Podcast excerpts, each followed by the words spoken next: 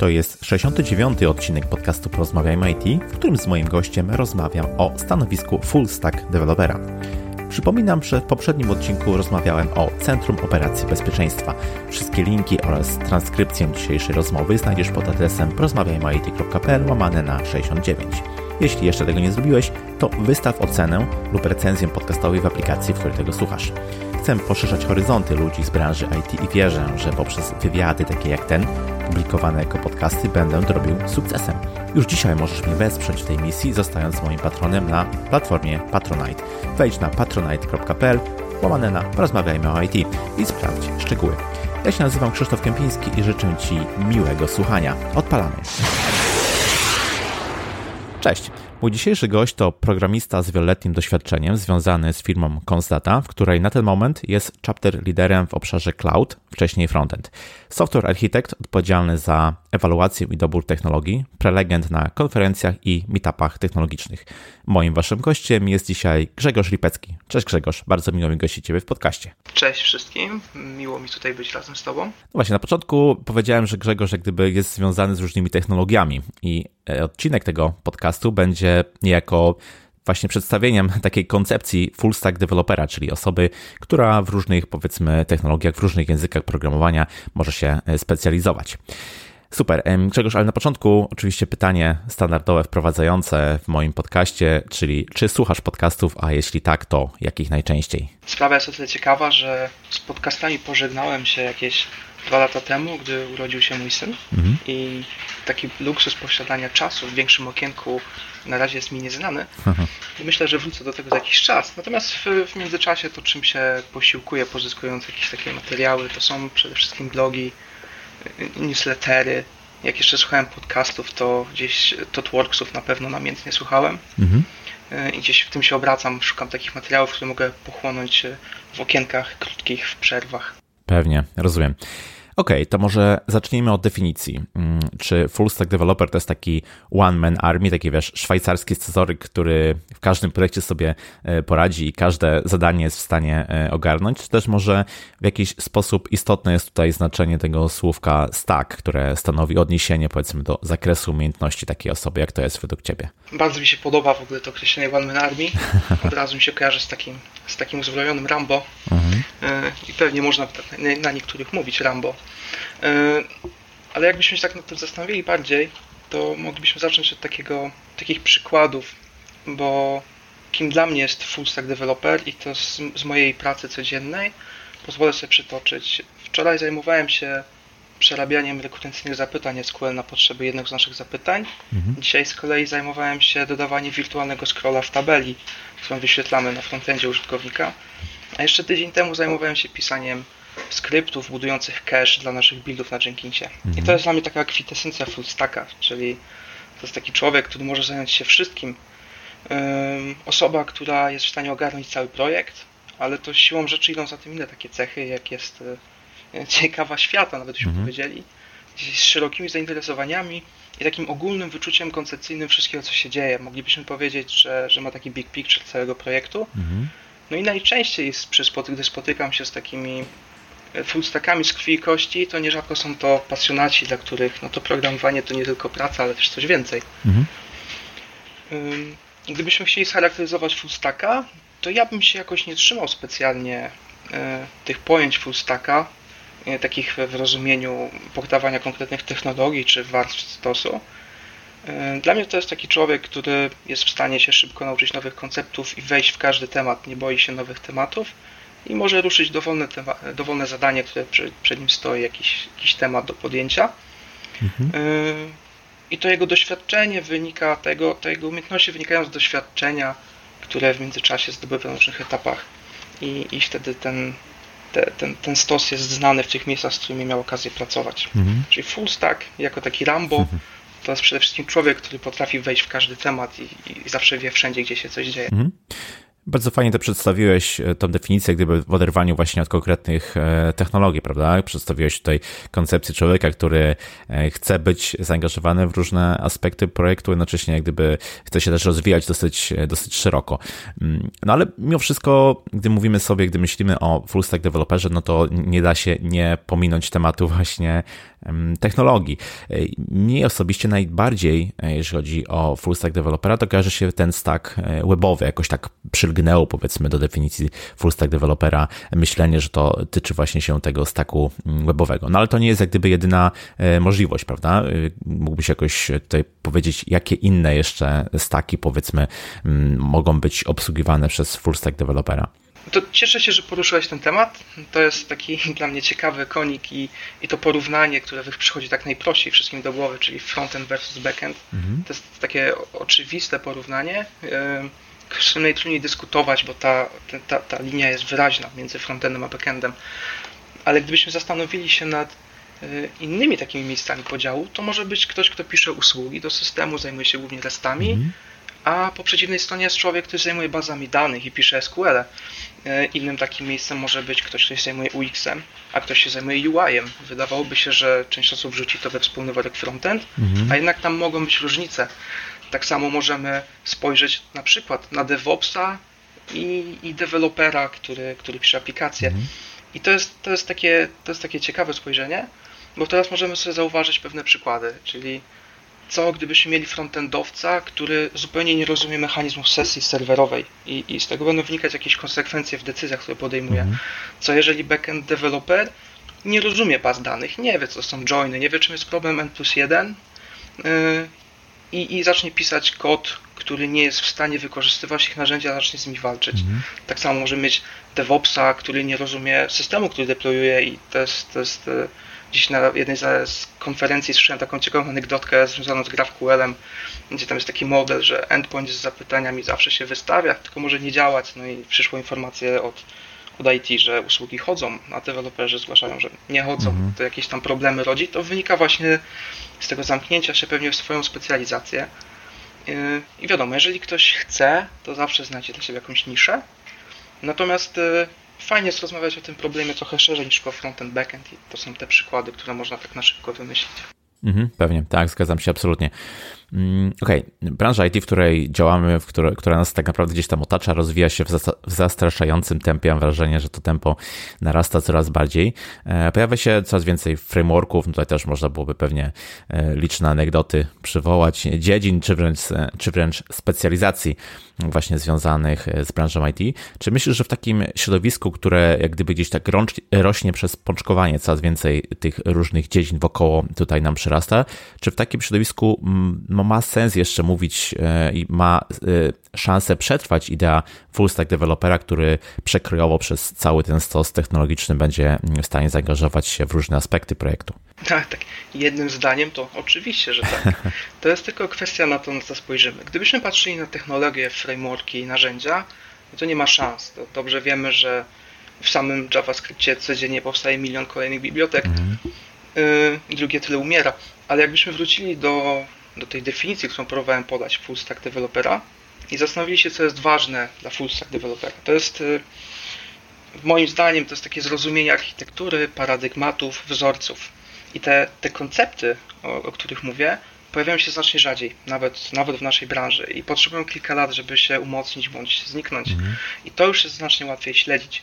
I jeżeli znajdziemy takie, takie rzeczy, to one będą się pojawiać już w całym stosie, nie są taką specyficzną rzeczą dla tylko jednej z tych, z tych warstw.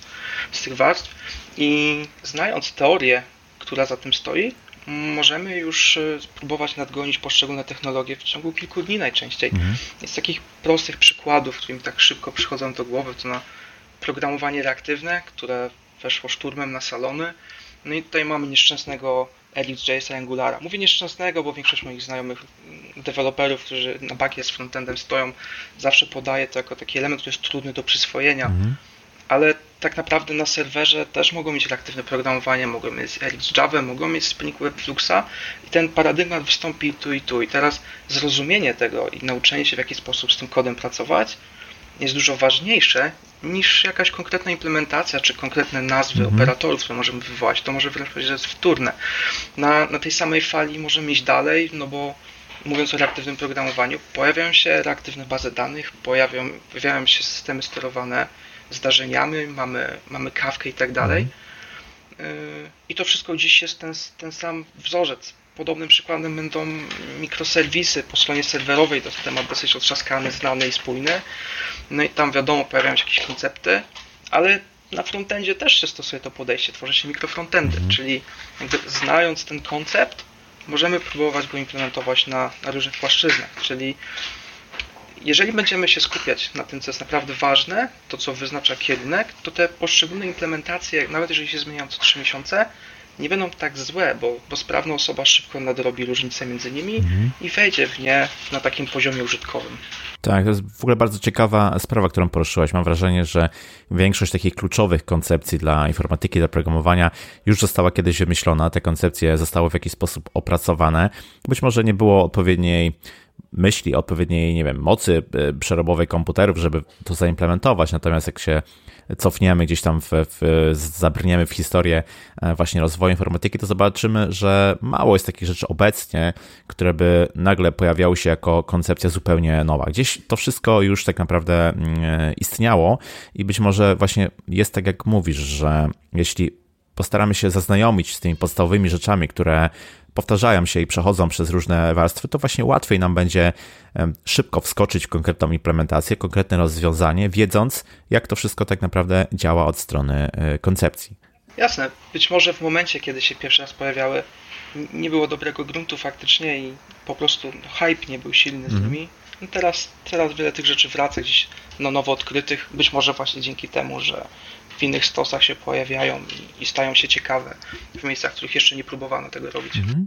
Pewnie. Okej, okay, Grzegorz, e, sam poruszasz się właśnie w wielu technologiach, e, o czym powiedzieliśmy na początku. Pracujesz też z ludźmi, którzy właśnie rozwijają się w taki szeroki e, sposób. Mało tego, wasza firma gdyby wspiera bardzo mocno takie podejście. Czy patrząc z perspektywy czasu uważasz, że taki rozwój e, kariery, który idzie jak gdyby w różnych kierunkach równocześnie, to jest e, dobry wybór? I z perspektywy czasu ja oceniam to bardzo dobrze. To jest dla mnie mm, bardzo trafna decyzja i nie, nie zmieniałbym jej teraz patrząc na to. E, przede wszystkim taki rozwój szeroki dostarcza mi wiele rozrywki. Mhm. Wiele technologii oznacza brak, brak monotonii, to oznacza stymulację. To jest zawsze nowe wyzwanie, zawsze możemy nauczyć się czegoś nowego, pobawić się czymś nowym i, i nie szufladkować się w jedno miejsce. Mhm. To pozwala mi robić różne rzeczy, albo brać udział w skrajnie odmiennych od siebie projektach. Dzięki tej takiej elastyczności, którą mam i temu podejściu, w którym ważniejsza dla mnie jest teoria, e, a technologia przyjdzie i to jest coś, co się użytkowo można często nabyć w trakcie, no to daje mi taką szansę bycia zawsze na pierwszej linii tych projektów firmowych i, e, i to jest ważne moim zdaniem, tak, taka ta radość z pracy, ale też y, patrząc na to w ten sposób, posiadanie szerokiego zakresu umiejętności pozwala też w rozwoju dojść dalej, y, osiągnąć mhm. wyższe stanowiska, doczłapać się gdzieś do tych pozycji tych leadów, architektów, czy w zależności od tego, jakiej firmie, jak to się nazywa, to, to szersze spojrzenie jest wtedy potrzebne. Mhm. To zrozumienie problemu, gdzie rozwiązanie jest tak naprawdę ważniejsze niż konkretne linijki kodu, które powstają. Y, tak w moim odczuciu Zwiększa to też konkurencyjność w firmie i poza nią bycie taką bardziej wszechstronną osobą, ale też znając wszystkie obszary w takim wystarczającym stopniu, możemy reagować na zmiany na rynku pracy i być może się przesuwać tam, gdzie mhm. chwilowo nas bardziej interesuje. Też mam przykład z ostatnich kilku dni, gdzie jeden z kolegów, z, z którym współpracowałem w międzyczasie, mm, kupę czasu nas pracował jako Java Full Stack, chociaż to jest takie masło maślane trochę, ale ostatnio zmienił zdanie i postanowił pójść w taki stos typowo node'owy. Mhm. No i, i czy on jest dobrym programistą? No jest, pisze dobry kod i to czy to jest Java, czy to jest Node, to niewiele zmieni. Tak. I zakładam, że w ciągu kilku dni wyrówna sobie te różnice, które potencjalnie się pojawią i wynikają z różnego doświadczenia tych osób. Mhm. I takie wszechstronne osoby wydaje się zawsze są w cenie, a posiadanie rozległej wiedzy, no pamiętajmy, nie zabrania nam specjalizować się w konkretnych obszarach. To, że, mhm. że czuję się wszędzie względnie dobrze, nie znaczy, że gdzieś nie czuję się super i tam, tam nie próbuję z siebie zrobić turbo eksperta. Mhm.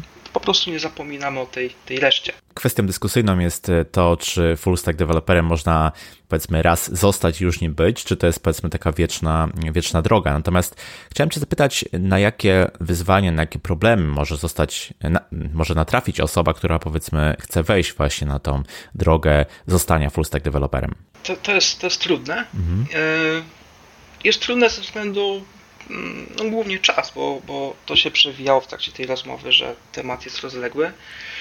E, na pewno też jest trudne ze względu na wychodzenie ze strefy komfortu, no bo jednak nauczymy się jednej rzeczy, pracujemy w niej, czujemy się swobodni, nic nas nie zaskoczy. Mhm.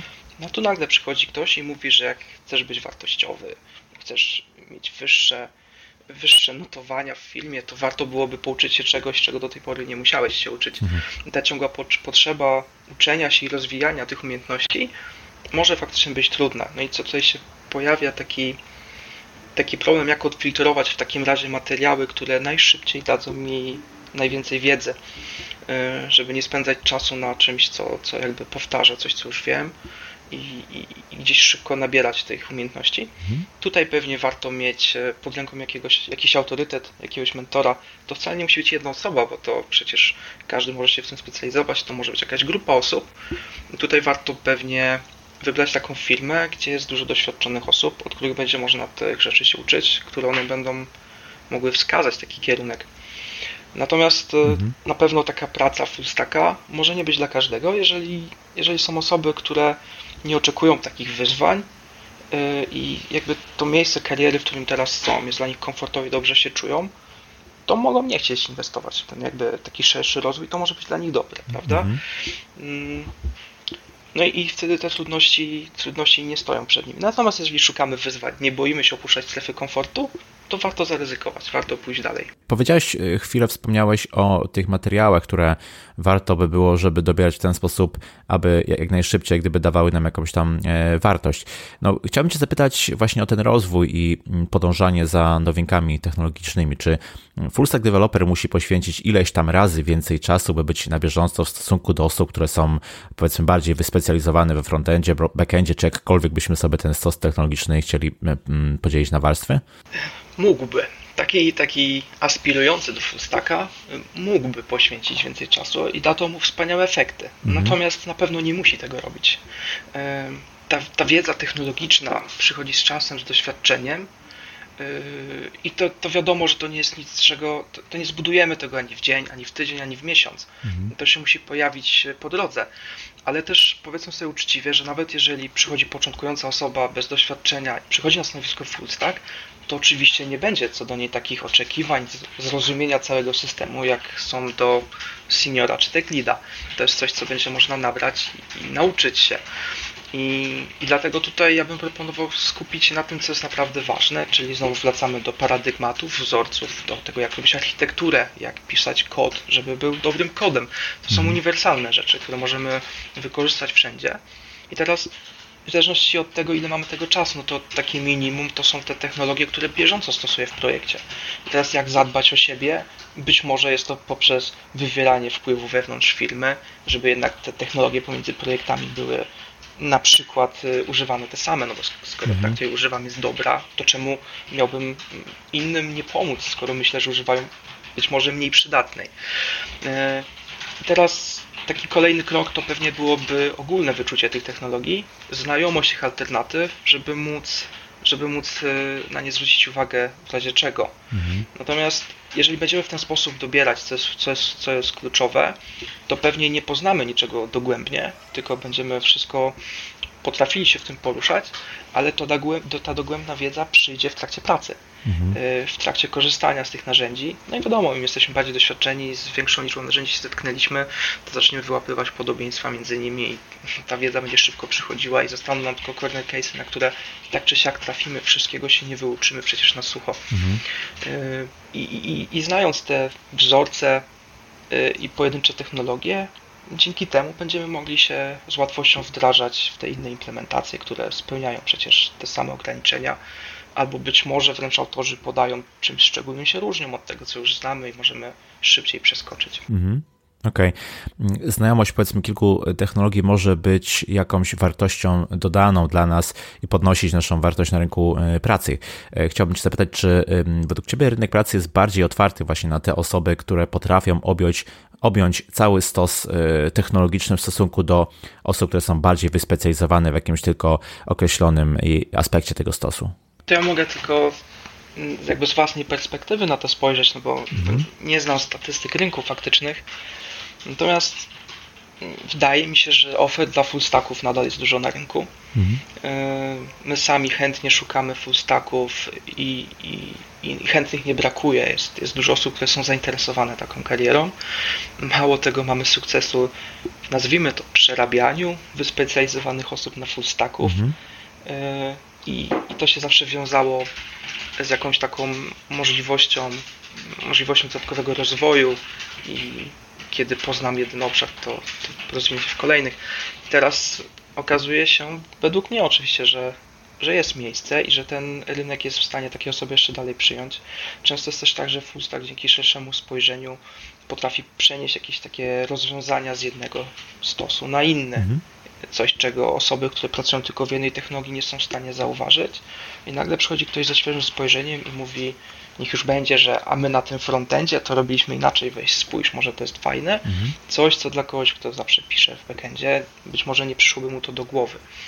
Y, ja sam czuję się, że posiadając ten szerszy wachlarz umiejętności, trochę swobodniej mogę przebierać w ofertach pracy, mhm. tak naprawdę. Mhm. Mogę, mogę spojrzeć na różne, jak sobie przeczytam opisy tych stanowisk, to nawet jeżeli jest jakiś wyspecjalizowany, to, to czuję, że mógłbym w nie wskoczyć, mhm. bo, bo, jest, bo, jestem w stanie te umiejętności, albo już je mam, albo mogę je szybko podgonić, wiedząc to, co wiem z innych miejsc, prawda? Mhm, to na pewno. Poruszyłeś y, temat przechodzenia na inny stos technologiczny i chciałbym Cię zapytać o pewne według mnie potencjalne niebezpieczeństwo, które może się wiązać z tym, że no, powiedzmy pracujemy w jakiejś firmie, pracujemy w jakimś stosie technologicznym jako full stack, czyli jesteśmy w stanie w miarę swobodnie poruszać się po technologiach, które przez tą firmę są powiedzmy mm, stosowane. Znamy się na tym stosie technologicznym używanym przez e, firmę.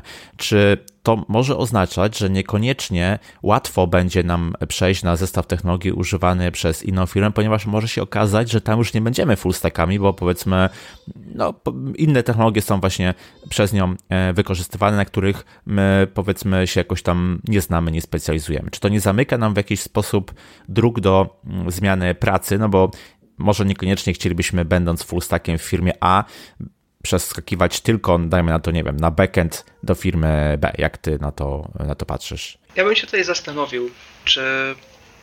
No bo to, o czym mówimy, to jest ryzyko. I, i czy to ryzyko jest faktycznie, mhm. czy ono się może spełnić? Ta trudność w zmianie tej technologii i przejściu gdzieś indziej. I, I to jest takie proste pytanie, czy faktycznie, nawet jeżeli trafimy do innej firmy, która ma teoretycznie ten sam stos, to to przejście jest płynne i on od pierwszego dnia jesteśmy produktywni. No bo, no bo doświadczenie pokazuje, że nawet dwie firmy korzystające z tej samej technologii będą jej używały trochę inaczej. Będą, nazwijmy to, miały firmowy dialekt e, korzystania z tych narzędzi. Często okaże się, że dane, na, na, danym narzędziu zostanie nadbudowany jakiś firmowy framework, czy rozwiązanie tak duże, mhm. że sama znajomość tego narzędzia konkretnie mm, no, no, niewiele nam pomoże. Ja sam pracowałem w takich projektach, w których teoretycznie był czy to Spring, czy Angular, no, ale ta nadbudówka sprawiała, że to nie były typowe problemy springowe czy angularowe, tylko 90% problemów mhm. wynikała ze stosowania narzędzia, które ta firma sobie stworzyła. I teraz patrząc w ten sposób, nawet ten sam stos nie, stos nie daje nam tej gwarancji, więc jeżeli założymy, że full stack to jest osoba, która chce się rozwijać, zna te podstawy, zna teorię, zna te wzorce, zna przykłady implementacji jakichś referencyjnych, to, to teoretycznie może to nadgonić. I teraz mhm. doświadczenie pokazuje, że największą barierą przed wejściem w projekt raczej nie jest technologia, no bo technologia to jest coś, co, co doświadczona osoba w kilka dni, może góra w kilka tygodni jest w stanie nadrobić, mhm. a najczęściej barierą jest y, y, wiedza biznesowa, dziedzina tego problemu i to i tak sprawi, że wejście w taki system zajmie 3 miesiące, mhm. w którym spokojnie będziemy mogli podgonić technologiczne braki, jeżeli takie się pojawią. To, to wszystko sprawia, że ja bym się tego nie bał. To, okay to jakby to nie jest tak, że nie będziemy mogli przeskoczyć między dwoma projektami, bo, bo to wręcz można sprowadzić do poziomu projektu mhm. w jednej firmie nawet. Czy ja mogę zmienić projekt? Prawdopodobnie bardziej będę się bał tego, co ten projekt robi, bo jest duży i długi i ma siwą brodę, mhm. niż tego, jakie narzędzia tam są, bo no bo, no bo to jest coś, co przyswoję, poznam. Nawet się może przy tym pobawię przy okazji. Dobrze, a jak to, jak to wygląda w praktyce? No bo nawet osoba, która powiedzmy dobrze zna się na backendzie i frontendzie, zostańmy już przy tym klasycznym podziale powiedzmy, mm, nawet osoba, która zna się na backendzie i frontendzie w takiej średniej e, wielkości, firmie średniej wielkości projekcie jest przydzielona do jakichś konkretnych zadań w konkretnym obszarze. Dajmy na to, że nie wiem, no w sprincie jakimś tam jednym, powiedzmy zajmuje się na przykład e, dodaniem jakichś formularzy e, ze strony frontendu. Czy praca takiej osoby to jest no nie wiem, ciągłe przełączanie się co jakiś czas ze sprintu na sprint z różnych e, aspektów, czy też jest to w miarę e, płynne? Jak w praktyce mógłbyś powiedzieć, e, jak to, jak to działa i jakie wzorce, jakie podejście sprawdza się najlepiej? tak, ja może powiem, jak to wygląda u nas w filmie od strony mhm. podejścia do tego tematu, bo on jest ciekawy. Czyli jeżeli zastanowimy się, w jaki sposób powinien pracować taki zwinny zespół, tak idealistycznie, to byłby pewnie to autonomiczny i samodzielny zespół, który jest gotowy podjąć dowolny temat. I takim, mhm. takiemu zespołowi zadania wrzuca się budując mu backlog. Teraz jak to się ma do full stacka? Jeżeli przyjmiemy, że zespół jest autonomiczny i samodzielny i realizuje zawsze funkcjonalność, to te funkcjonalności najczęściej jednak przekraczają się przez wszystkie te elementy. Tak. Nawet zakładając ten podział frontend, backend, no to ta formatka, o której powiedzieliśmy, y, ona nie jest do pokazania jeżeli nie ma do niej backendu. Mhm. A jeżeli nie jest do pokazania, to nie jest zbyt dobrym elementem do backlogu, bo przecież dobrze byłoby elementy z backlogu pokazywać na demie jako działające. I, I tutaj nagle się okazuje, że robiąc dowolną rzecz, tak musimy prawdopodobnie, załóżmy, że robimy nowy moduł, musimy go gdzieś zbudować, zdeployować, musimy go zaimplementować, musimy przygotować zmiany na frontendzie, zadbać o tą spójność UI UX. Mhm. Y, i, I to by znaczyło, że w takim zespole każdy ma okazję podjąć wszystkie zadania. Raczej, raczej staralibyśmy się nie, nie wiązać, że jakieś zadanie należy do kogoś, bo on się w tym specjalizuje. I czy to czasami jest tak, że ja jako specjalista w jakimś obszarze biorę przede wszystkim te zadania, bo, bo zespół na mnie liczy? No pewnie, mhm. tak się zdarza. Ale czy to równocześnie oznacza, że gdy ja jestem obłożony innymi tematami, to zespół ich nie podejmuje, bo czekasz, ja to zrobię? Absolutnie nie. Teraz nawet jeżeli inne osoby, które wiem, że znają cały projekt, wiedzą, poruszają się swobodnie we wszystkich jego warstwach, jeżeli podejmą takie zadanie, którego nie czują, to wtedy to będzie wyglądało w ten sposób, że na przykład zapytają mnie, jak je zrealizować, mhm. albo zapytają jakąś wskazówkę, ale będą w stanie je podjąć, na pewno się go nie będą bali. Na pewno nie będzie jakiejś sytuacji, w której powiedzą, ja tego nie dotykam, bo to są SQL -e na przykład. Mhm. I teraz, jeżeli tak na to spojrzymy, to ten przydział wspomniany, że jakaś osoba specjalizująca się w jakimś zadaniu bierze konkretny typ zadań, to jest jakaś optymalizacja, ale nie jest ograniczeniem w pracy zespołu. Y, no i takie, takie rzeczy codziennie się rozwiązuje na planowaniu, czy to na, na daily, mhm. czy spotkaniach w ciągu dnia. Więc y, zespół, w którym mielibyśmy osobę, która robi tylko jakiś jeden typ zadań, faktycznie nie byłby w pełni taki samodzielny, bo mogłaby, mogłaby się przydarzyć sytuacja, że czegoś nie będą w stanie zrealizować. Mhm. I tak właśnie staramy się budować zespoły. Dostają, zespół dostaje zagadnienie, które składa się z wielu rzeczy. Czasami jest więcej jednych tematów, czasami drugich, ale każda osoba w zespole jest w stanie takie zadanie podjąć i zrealizować, czy to samodzielnie, czy na tyle dobrze się w nim poruszać, że będzie wiedziała, kiedy poprosić o pomoc, a kiedy zrobi je sama. Mhm. Zupełnie, w całości. Jasne. Okay, no to wprowadza bardzo taką fajną zwinność. Domyślam się, że taka zwinność może być zwłaszcza cenna w różnego typu startupach, gdzie trzeba robić wiele rzeczy naraz, często przełączać konteksty, również te technologiczne.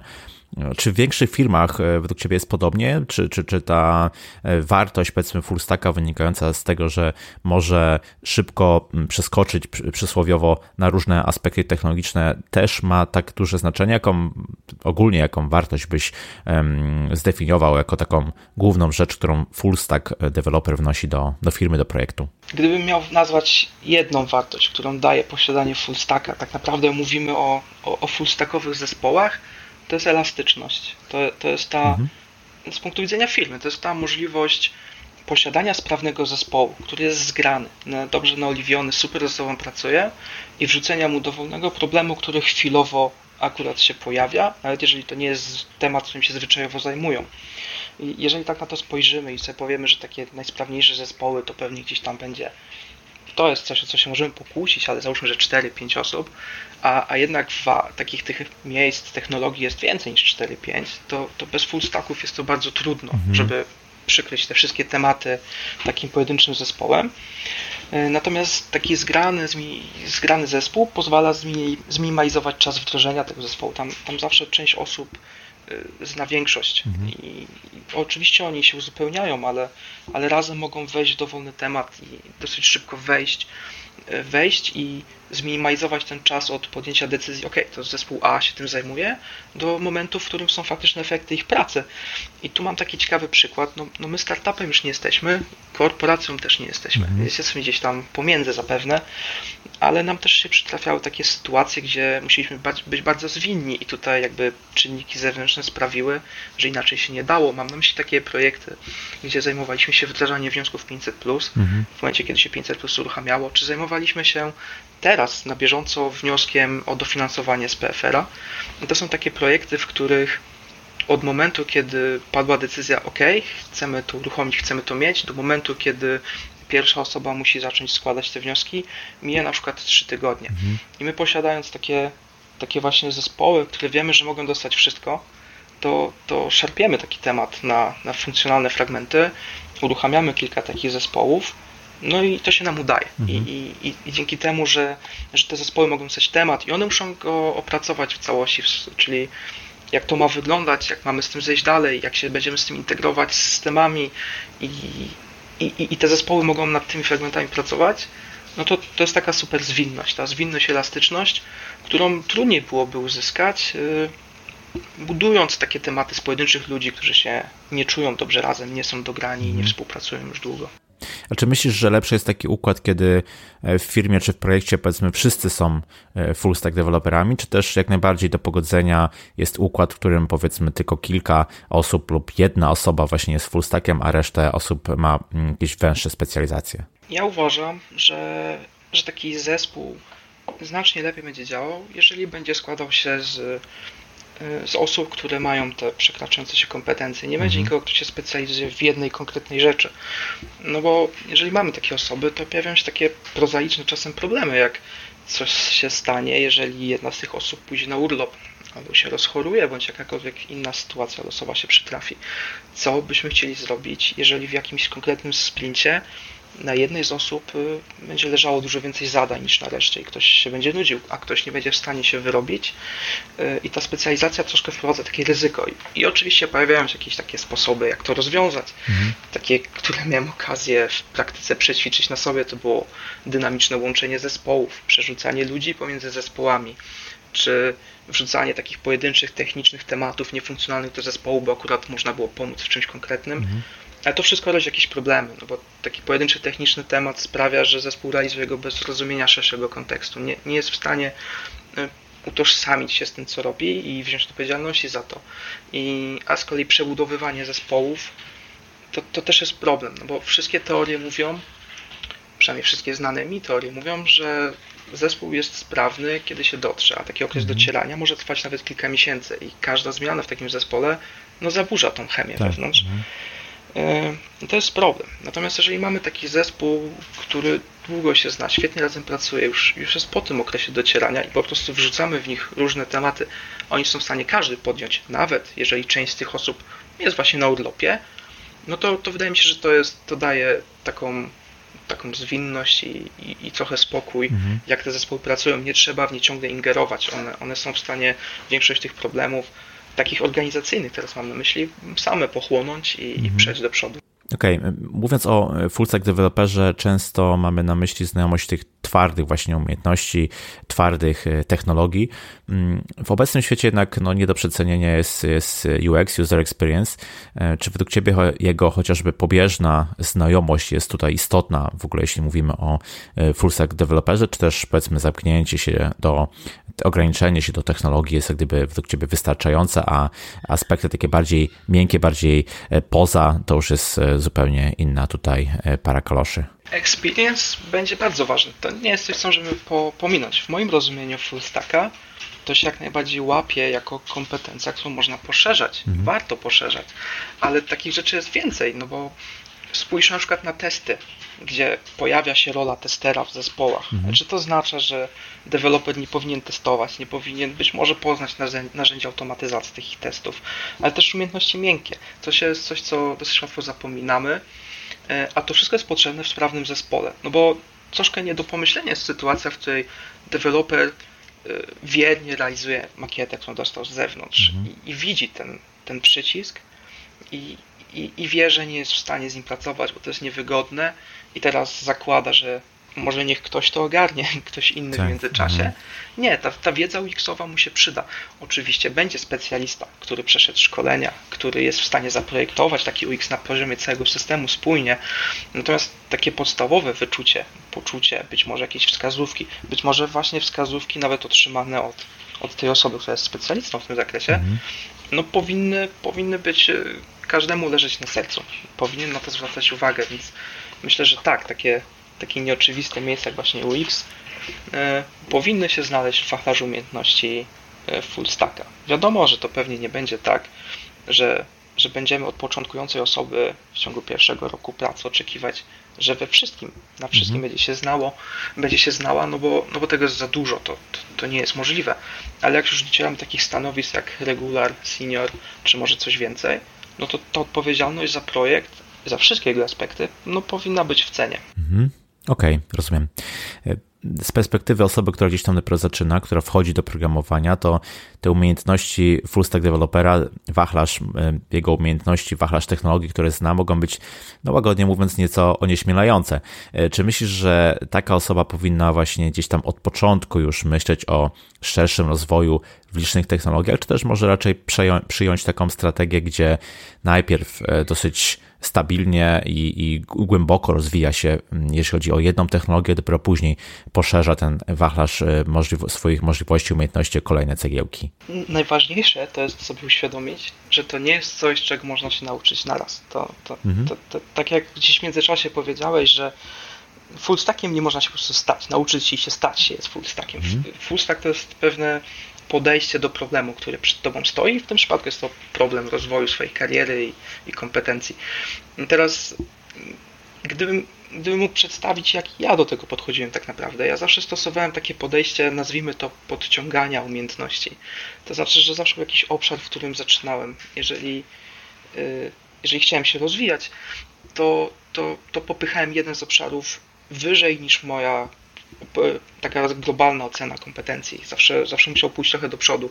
I wtedy, za, jak, już, jak już ten obszar poszedł do przodu i, i on był mhm. taki dominujący i można było powiedzieć, Grzegorz jest dobry, to zastanawiałem się, ok, to gdzie mi brakuje, co mnie wstrzymuje, dlaczego nie mogę dostać na przykład awansu, gdzie mam braki i wtedy zajmowałem się tymi, tymi brakami. Tak jak powiedziałem wcześniej, podciągałem je do tego wspólnego poziomu, taki, taki prosty przykład, gdybyśmy chcieli się zaszufladkować na stanowiska, bo to dosyć łatwo, łatwo zrobić i, i wszyscy to mniej więcej czują, że załóżmy, że z frontendu już jestem na poziomie seniora i jest jakaś możliwość ocenienia tego, mhm. ale DevOpsy mam regular, a UX to mam w ogóle na poziomie juniora, ledwo wiem, że tam coś jest, mhm. no to, to w tym momencie będę się starał te DevOpsy i UXy podciągnąć, żeby to nie były takie hamulce w moim rozwoju, żeby je mieć, żeby one nie odstawały za bardzo od tych umiejętności, które mam najmocniejsze. I to sprawia, że idę taką szeroką ławą, że czymś się specjalizuję, w wielu rzeczach jestem bardzo dobry, ale nawet tam te rzeczy, które nie do końca czuję, staram się, żeby one nie odstawały, żebym nadal mógł podjąć swobodną rozmowę z kimś, kto jest na podobnym poziomie co ja, ale się akurat specjalizuje w tych tematach. Mhm. I, I taki, taki rozwój w kierunku full stacka myślę, że warto zacząć oczywiście od wybrania jednego obszaru. No jeżeli, jeżeli chcemy zacząć w firmie, która mm, pisze dużo restów, no to bez sensu jest się uczyć frontendu, skoro teraz jest potrzebne pisanie restów. Mhm. Y, natomiast tak naturalnie z tym rozwojem prawdopodobnie dotkniemy też innych projektów, prawdopodobnie mając więcej kompetencji dostaniemy też zadania z innych obszarów i podciągajmy to, bądźmy gotowi, żeby, żeby zawsze móc je podjąć. Natomiast warto faktycznie y, jakby świadomie to wybierać, taki mhm. rozwój full stacka wymaga faktycznie takiej świadomej oceny mocnych, słabych stron swoich i takiego kierowania tego swojego rozwoju, planowania, gdzie się chce być za rok, trzy czy pięć. I to nie jest tak, gdzie mnie poniesie, tylko chcę sobie to jakoś ułożyć. No ale to wydaje się generalnie wartościowe podejście do planowania swojej kariery, więc myślę, że to nawet. Do całego życia wręcz bym powiedział. wskazówka sama w sobie. tak. Dokładnie tak, tak. Taka samoświadomość jest przydatna na różnych. E różnych warstwach, różnych też etapach naszego rozwoju, nie tylko zawodowego, ale, ale też e, osobistego i tak dalej, więc e, moc, mocna rzecz pewnie. Dobrze, Grzegorz, wiesz co, na koniec chciałbym cię jeszcze zapytać, e, czy myślisz, że rola full stack dewelopera przetrwa? Powiedziałeś, że jak najbardziej ma ona rację bytu obecnie. Chciałem cię zapytać co do przyszłości, bo takie, wiesz, narastające gdzieś tam podziały i specjalizacje typu, nie wiem, frontend, backend, development, właśnie utrzymanie, czy to jest coś, co nadal pozwoli jak gdyby istnienie, na istnienie jednej osoby, która w miarę jest w stanie mm, poruszać się po tym całym stosie technologicznym, czy te namnażające się specjalizacje nie wymuszą na pewnym etapie niestety mm, pozostania gdyby w jednej y, działce, być może w dwóch, ale mimo wszystko jednak nie ogarnianie y, całości. Jestem ciekaw twojego, twojego zdania jako osoby, która na co dzień powiedzmy rozwija się właśnie dosyć szeroko i jak widzisz przyszłość co do właśnie takiej roli full stack developera? Myślę, że pozycja full stacka nie zginie. Myślę, że myślę, że to, to się utrzyma i to będzie dostępne jeszcze przez długo. Nawet gdyby tak się zmieniła branża, że jednak jest popchnięcie w jakąś stronę, a, a to przecież te zmiany są często okresowe, a projekty się z dnia na dzień nie zmieniają i ta, mhm. ta posiadanie tej szerokiej wiedzy, zwłaszcza wtedy, może być przydatne, kiedy część branży przesunie się gdzieś. To, to niestety trzeba by monitorować. Natomiast myślę, że takiego zagrożenia nie ma. Mhm. Y, bo też warto pamiętać, że bycie full stackiem nie oznacza bycia specjalistą we wszystkich tych dziedzinach. Na pewno tak jest, że full stack specjalizuje się jeden, w jednym, może kilku obszarach. Mhm. Natomiast kluczowe jest to, żeby znać te swoje mocne i słabe strony y, i albo samemu potrafić znaleźć odpowiedź, albo wiedzieć, kto ich udzieli, podeprzeć się takim zespołem, z którym się długo pracuje, we wszystkich obszarach. Y, tu jest taka ciekawa myśl, która może podsumować fajnie podejście full stackowe, czyli najważniejsze byłoby wiedzieć, czego się nie wie. I, I, teraz, jeżeli wiemy, czego nie wiemy, to, to tam są miejsca, w których należy się zastanowić, a nie próbować na przykład forsować rozwiązań na siłę. I full stack, mający szerokie zainteresowania i tą, tą, takie szerokie rozeznanie, będzie w stanie wyłapać te miejsca. Tak jak gdzieś tam wspomniane wcześniej, deweloper, który nie czuje do końca SQL i nie wie, że może mhm. zrobić joina, no jednak jeżeli będzie to wiedział, to ten kod napisze inaczej. A gdybyś się chciał zaszufladkować i powiedzieć, że nie, nie, bazy to nie, nie po to nie szedłem na bazę na studia, żeby teraz SQL pisać, jeżeli się świadomie na to zamknie, to pewnie przegapi jakąś okazję, żeby coś zrobić dobrze. E, I tego pewnie bym się trzymał. Mhm. Full stack to jest taki, taki człowiek, który szybko może wskoczyć w nowe tematy, zna te silne podstawy teoretyczne, ma takie wyczucie całego, całego systemu e, i, i ta technologia mu nie przeszkadza. On wie, że to może nadgonić w dowolnym momencie i wkroczyć w dowolny temat i sprostać dowolnemu wyzwaniu, które na niego czeka. Tak, bardzo dobre podsumowanie. Grzegorz, dziękuję Ci za ciekawą rozmowę, za przedstawienie tej roli full stack developera i nakreślenie jej w sposób taki bardzo e, pragmatyczny. Jeszcze raz wielkie dzięki z mojej strony i powiedz e, na koniec proszę, gdzie Cię można znaleźć w internecie, jak się z Tobą najlepiej skontaktować, gdyby ktoś miał jakieś pytania. I jasne, do mnie do mnie najlepiej pewnie będzie uderzać najzwyczajniej na LinkedInie. Mhm. E, jeżeli ktoś by chciał po prostu porozmawiać na jakiś temat e, bądź o coś zapytać, można mnie też znaleźć na naszym firmowym blogu, gdzie staram się od czasu do czasu coś opublikować. Również bardzo dziękuję za tę rozmowę. Było, było miło. Stres przed był znacznie większy niż był potrzebny. Także tak. super atmosfera. Dziękuję. Dziękuję jeszcze raz. Oczywiście wszystkie linki e, dodam do notatki do tego odcinka. Dzięki z mojej strony, trzymaj się i do usłyszenia. Cześć. Dzięki, trzymaj się. I to tyle z tego, co przygotowałem dla Ciebie na dzisiaj. Mam nadzieję, że po przesłuchaniu naszej rozmowy z Grzegorzem masz lepszy obraz tego, jakim stanowiskiem pracy jest full stack developer. Tak jak mówiłem na początku podcastu, założyłem profil na Patronite. To taka platforma, na której możesz wspierać twórców internetowych w ich działalności. Mnie możesz wesprzeć kwotą już od 5 zł miesięcznie. Chciałbym oddelegować kilka rzeczy, które wykonuję przy każdym podcaście, a zaoszczędzony czas wykorzystać na przygotowanie jeszcze lepszych treści dla Ciebie. Sam jestem patronem kilku twórców internetowych i widzę, że taka pomoc daje dużą satysfakcję obu stronom. Mój profil znajdziesz pod adresem patronite.pl łamany na porozmawiajmy IT. Link również w notatce do tego odcinka. Cały czas aktywna jest też moja kampania związana z pomocą w IT. Z chęcią zupełnie za darmo umówię się z Tobą na rozmowę i pomogę w miarę swojej wiedzy z wyborem technologii, prowadzeniem projektu i rozwojem kariery. Możesz ustalić ze mną spotkanie, wysyłając teraz maila na krzysztofmałpa.porozmawiajmy.it.pl Jeśli spodobał Ci się ten odcinek i nie chcesz przegapić kolejnych epizodów podcastu, zasubskrybuj go w swojej aplikacji podcastowej. Ja się nazywam Krzysztof Kępiński, a to był odcinek podcastu Porozmawiajmy IT o stanowisku Full Stack Developera. Zapraszam do kolejnego odcinka już za tydzień. Cześć!